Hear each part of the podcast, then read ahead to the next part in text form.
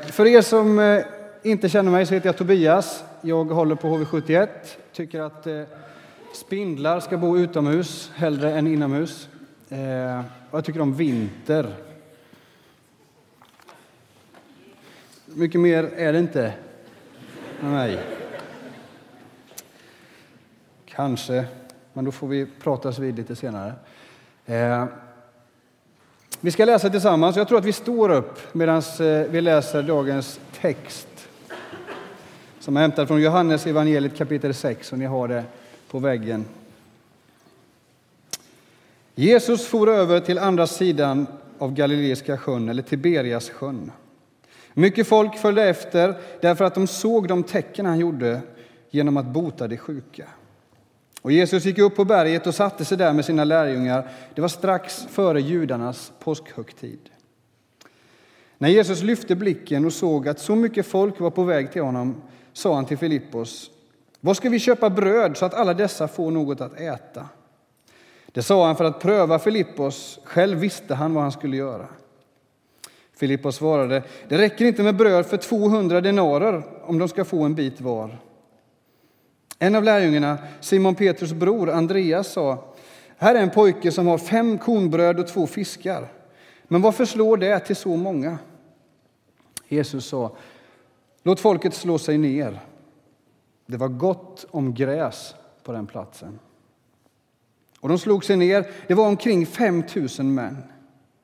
Jesus tog brödet, tackade Gud och delade ut det åt dem som låg där och likaså fiskarna så mycket de ville ha.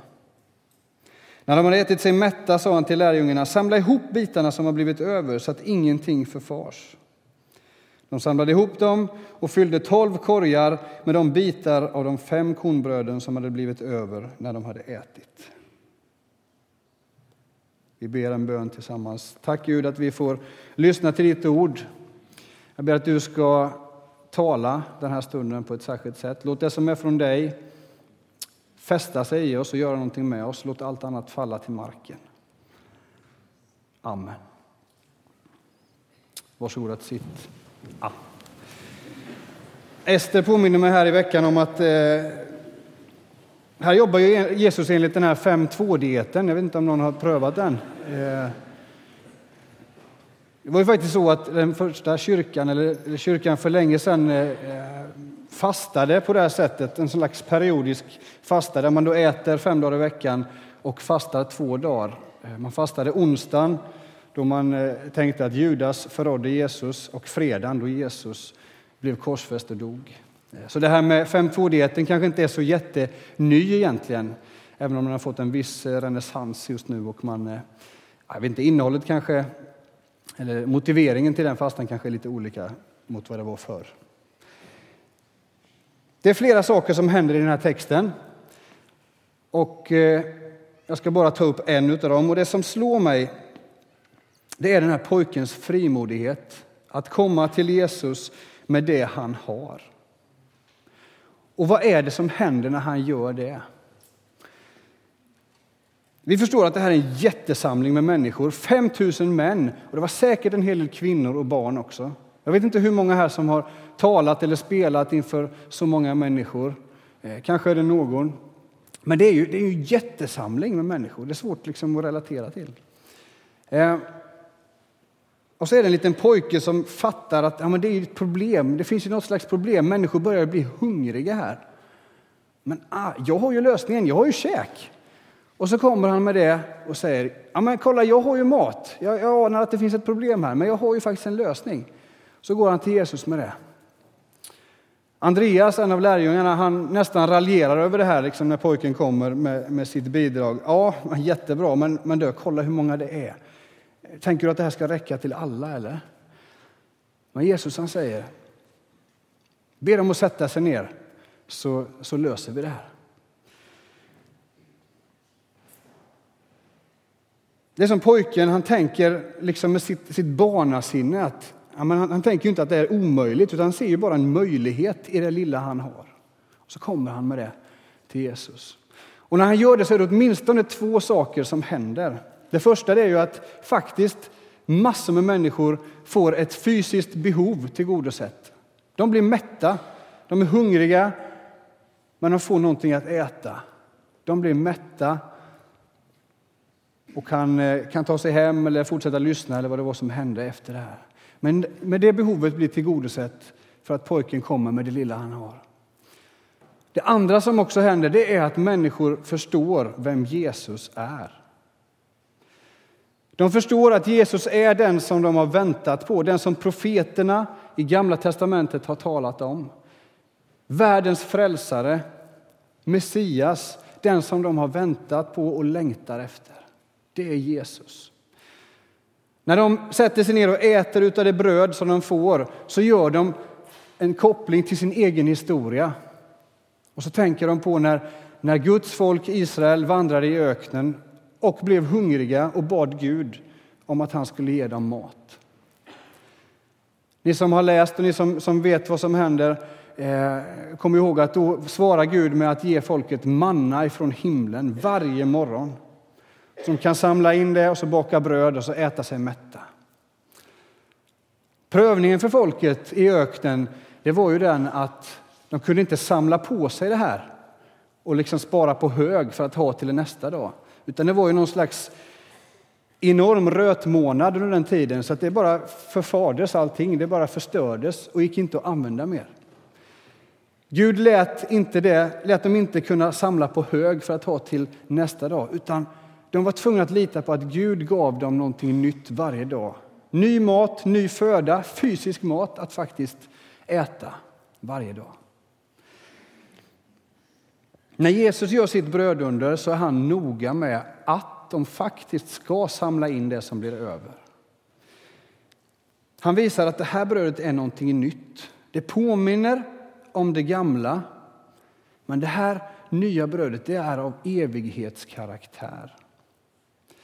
Läser man vidare i Johannes kapitel 6 så eh, kan man eh, läsa om hur Jesus berättar vad som är livets bröd, om sig själv. Gör det. Fortsätt läsa Johannes kapitel 6 när ni kommer hem. Då kommer ni förstå att Jesus menar, eh, han kommer förklara det här med livets bröd. Det här brödet som Jesus ger det är av evighetskaraktär.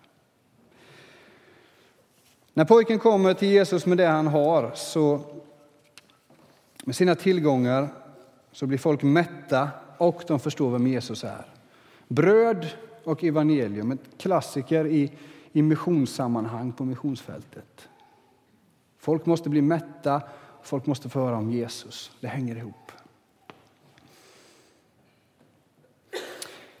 I vår trädgård hemma så hittade jag för några veckor sedan en myrstack. Mellan eh, tallen och det lilla uthuset så har det börjat byggas en eh, myrstack.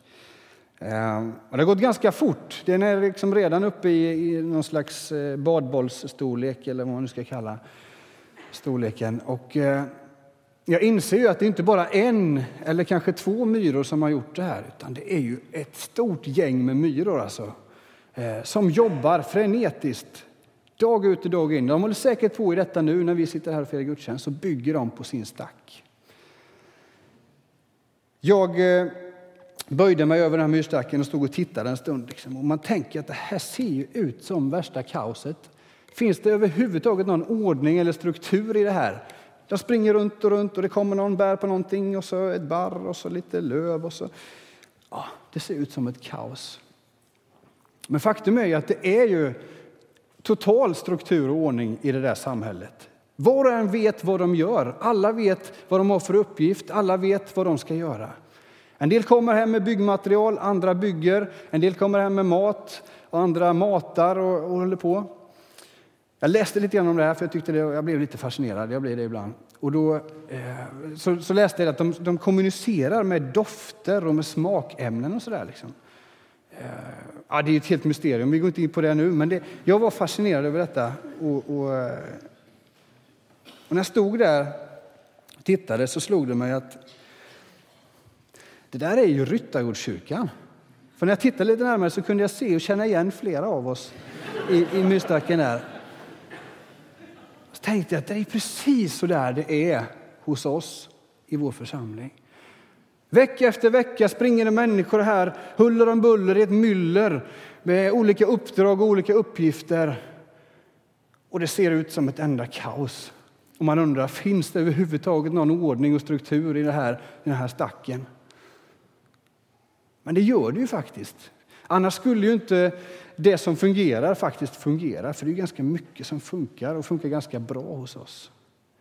Det här myllret, det här kaoset, det, det skapar våran stack. Och det finns trots allt en viss ordning och struktur här, även om vi kan, kan känna att det är förvirrande ibland.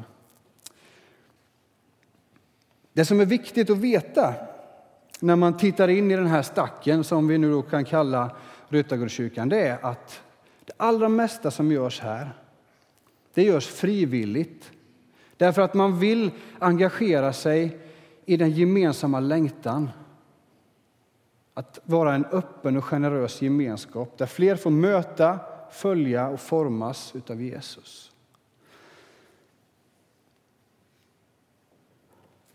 Det är därför vi allihopa gör varje liten och stor insats vecka efter vecka. Och det är fantastiskt. Ryttargårdskyrkan är ett sammanhang att vara stolt över. Jag tänker att du som, som är medlem här, räta på din rygg, sträck på dig idag och, och påminn dig själv om att du tillhör ett fantastiskt sammanhang. Ett sammanhang som är, är väldigt bra. Låt andra få veta att du är tacksam över ditt sammanhang. Skriv en rad på någon social media någonstans. Låt världen få veta att du tillhör ett sammanhang där frivilliga människor vecka efter vecka, år efter år faktiskt bygger på någonting som har evighetsvärde. Och vi gör det tillsammans därför att vi tror att fler människor behöver möta, följa och formas av Jesus. Vi har ett gemensamt uppdrag mitt i allt det här Eh, det här, de här olika uppgifterna som vi står i. Allt pekar åt ett och samma håll. Vi vet ju alla som går hit att det verkligen inte är perfekt och felfritt i vår gemenskap. Det är ju så. Och vi vet om det och säkert vet andra om det också som inte är med här. De vet att men det händer ju en massa skit i ert sammanhang också. Vi vet ju det. Och det är, det är så därför att vi är syndare och därför att vi, vi, vi möts som de syndare vi är. Men vi behöver inte fästa oss vid detta, att, vi inte, att det som inte fungerar. Utan jag tycker att vi ska ge varandra liksom en klapp på axeln, en ryggdunk och säga det här gör vi bra. Det är gott här. Vi vet att, att det finns saker vi måste jobba med, absolut. Men jag skulle vilja uppmuntra dig att, att uppmuntra varandra. Alla som jobbar med det här, alla tillsammans drar i allting som händer. Ge din granne och din bänkkamrat liksom en, en ryggdunk här någon gång under, under gudstjänsten. Det är gött, vi gör det här tillsammans. Vi drar åt samma håll. Det är fantastiskt. Vi är ju drabbade av den här oskrivna lagen i Sverige som kallas för jantelagen. Som innebär att vi inte ska tro att vi är någonting och vi ska framförallt inte lyfta fram eller skryta med våra talanger och våra gåvor. Jag skulle vilja slå ett slag eller höja en röst emot den här jantelagen idag och eh, verkligen uppmana dig att ställa dina gåvor, dina talanger till Guds förfogande och tro att du har någonting att komma med. Våga tro att Gud kan använda dig och det du har. Tänk på vad som hände med den lilla pojkens gåvor när han kommer dem till Jesus. Människor blev fysiskt mätta och de förstod vem Jesus är. Och jag tror att dina gåvor och det som du har också kan fylla samma funktion för människor runt omkring dig. Både fysiska behov, men också insikten om att Jesus är Herre, att Jesus lever. Förstå vem Jesus är. Min son Helmer, två och ett halvt år, har börjat läsa Bamse till sin pappas stora glädje. Eh, det gjorde jag med. Bamse har en eh, kompis som heter Skalman, som är en sköldpadda. Ni vet han killen med alla grejerna i skalet. Liksom. Allt utom vad är det han säger, rymdraketer och atlantångare har Skalman i sitt skal. Skalman är en uppfinnare av rang. Det finns inget som han inte kan uppfinna. Liksom allt löser sig med den här Skalman.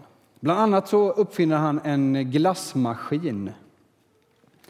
Den funkar så att man stoppar in ett par träpinnar i ett litet hål och ut kommer det glass på pinne.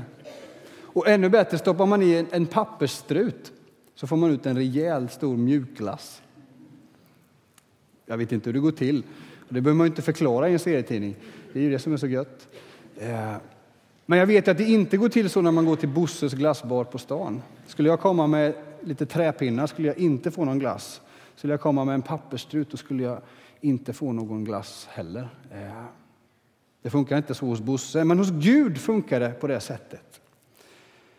När jag kommer med min lilla insats, med det som kan verka obetydligt, så kommer Gud att maximera eh, utdelandet, att maximera det som vi får tillbaka och det som, som blir av det. Gud är ju inte som en stor glassmaskin, men funktionen av att, att göra någonting mycket större av det lilla som vi har, det har Gud också. Och jag vill uppmuntra dig att ge av det lilla som du har, det, de gåvor du har, det, det du kan bidra med. Ställ det till Guds förfogande. I den här kyrkan så finns det många olika aktiviteter och grupper. Runt kyrkkaffet idag så kommer det finnas möjlighet att få ta del av det som finns. En hel del i alla fall. Det finns många bord här ute där det också kommer stå människor som berättar vad just deras sammanhang arbetar med i den här församlingen. Är du intresserad så går du och pratar med någon och frågar Jaha, vad gör ni och hur funkar det? De kommer också att vara, vara tydliga med om de har några behov som behöver fyllas i just de grupperna. Det är inte allt som vi har som ni ser här ute. En del har inte kunnat vara med idag. Eh, vi har bland annat vår församlingsplantering i Skäggetorp eh, där de behöver hjälp med läxläsning med nysvenska bland annat. Man kan kolla på vår hemsida efter uppgifter om dem. Eh, det finns också något ställe man kan liksom skriva upp det här saknar jag och det här skulle jag vilja dra igång, det här skulle jag vilja bidra med kan man skriva det. För då löser vi det.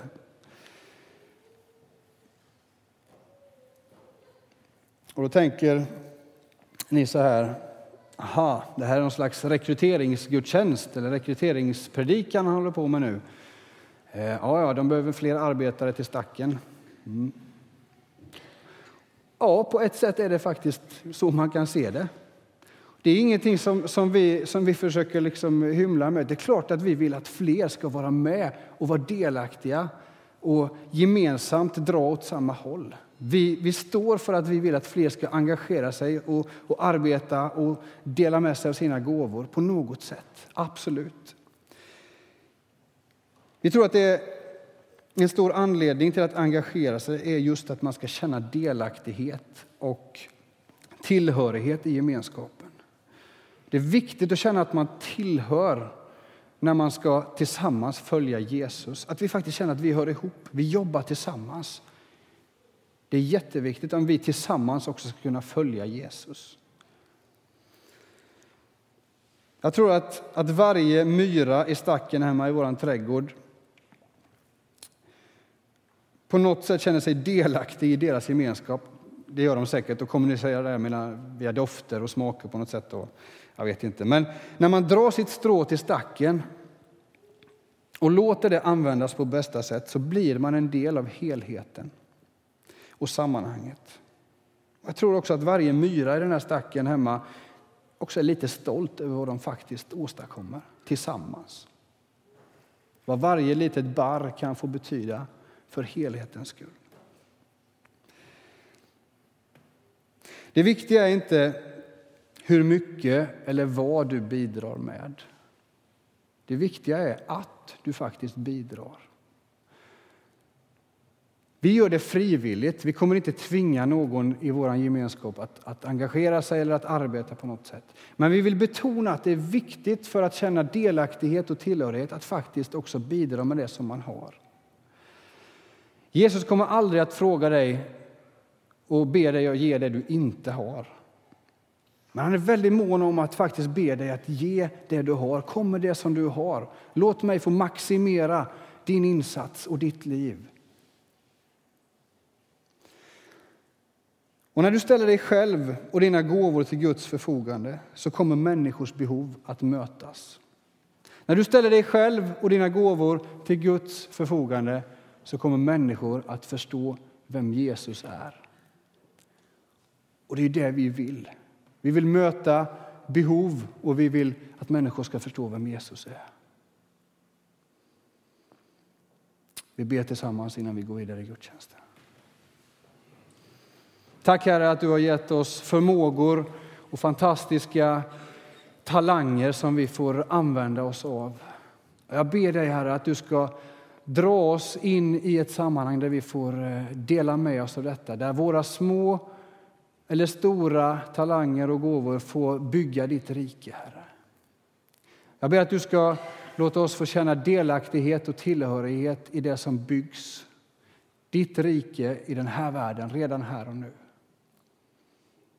Kom, Herre, och möt varje människa. Och hjälp oss också att vara varandras bönesvar och möta behov. Och hjälp oss också att förstå vem du är, Jesus. Kom, Herre, och fortsätt röra vid oss den här gudstjänsten. Amen.